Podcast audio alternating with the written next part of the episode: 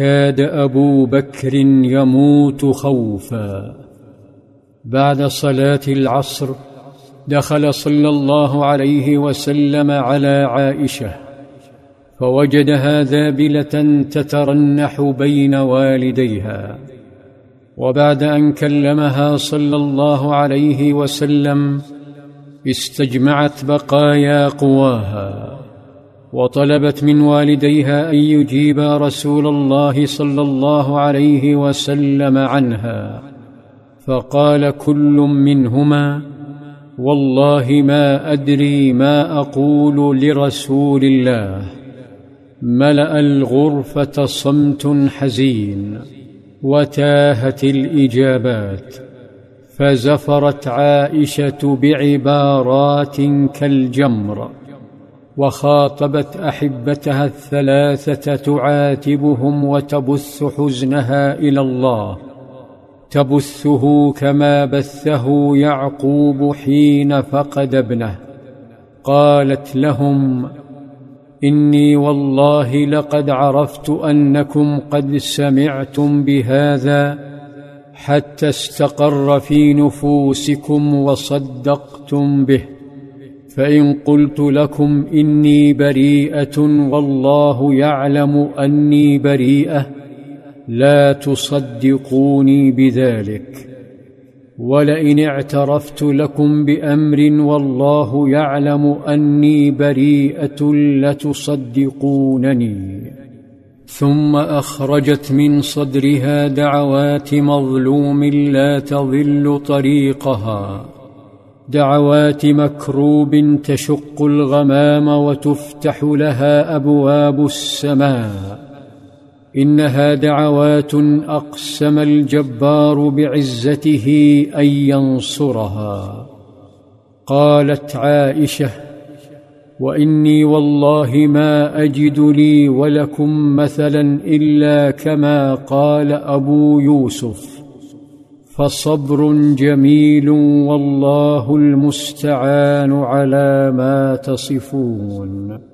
ثم سكتت وحنت جسدها الذابل نحو الأرض وتوسدت أحزانها واضطجعت. وفجأة بدأ والداها يرتجفان من حولها. ثم تحرك والدها والخوف يكاد يقتله. تحرك نحو نبيه صلى الله عليه وسلم الذي بدأ يعاني ثقلا واجهادا شديدين. أخذته صلى الله عليه وسلم مثل الحمى فتحدر من جبينه عرق كاللؤلؤ. غاب عمن وعما حوله فعرف أبو بكر أنه يوحى إليه فنهض وغطاه بثوب ووضع تحت رأسه وساده. شعرت عائشة بحركة مألوفة لديها فرفعت رأسها ببطء. لكنها تأملت أمها وأباها فرأت في وجهيهما خوفا. تكاد روحاهما أن تخرجا خشية أن يدينها الوحي. أما هي فغشيتها السكينة ووصفت مشاعرها فقالت أما أنا فوالله ما فزعت وما باليت. قد عرفت أني بريئة وأن الله غير ظالمي وأن الله مبرئي ببراءتي.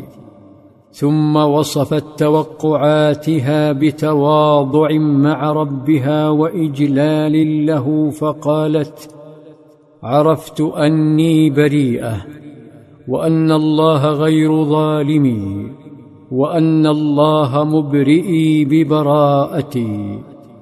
ولكن والله ما كنت أظن أن ينزل في شأني وحي يتلى ولشاني كان أحقر في نفسي من أن يتكلم الله عز وجل في بأمر يتلى.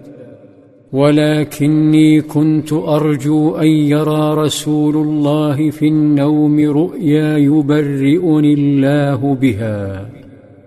غشيت المكان هيبة وجلال وترقب ثم أفاق صلى الله عليه وسلم ورفع رأسه وهو يمسح عرقه ويبتسم. ثم نظر إلى حبيبته فقال أبشري يا عائشة.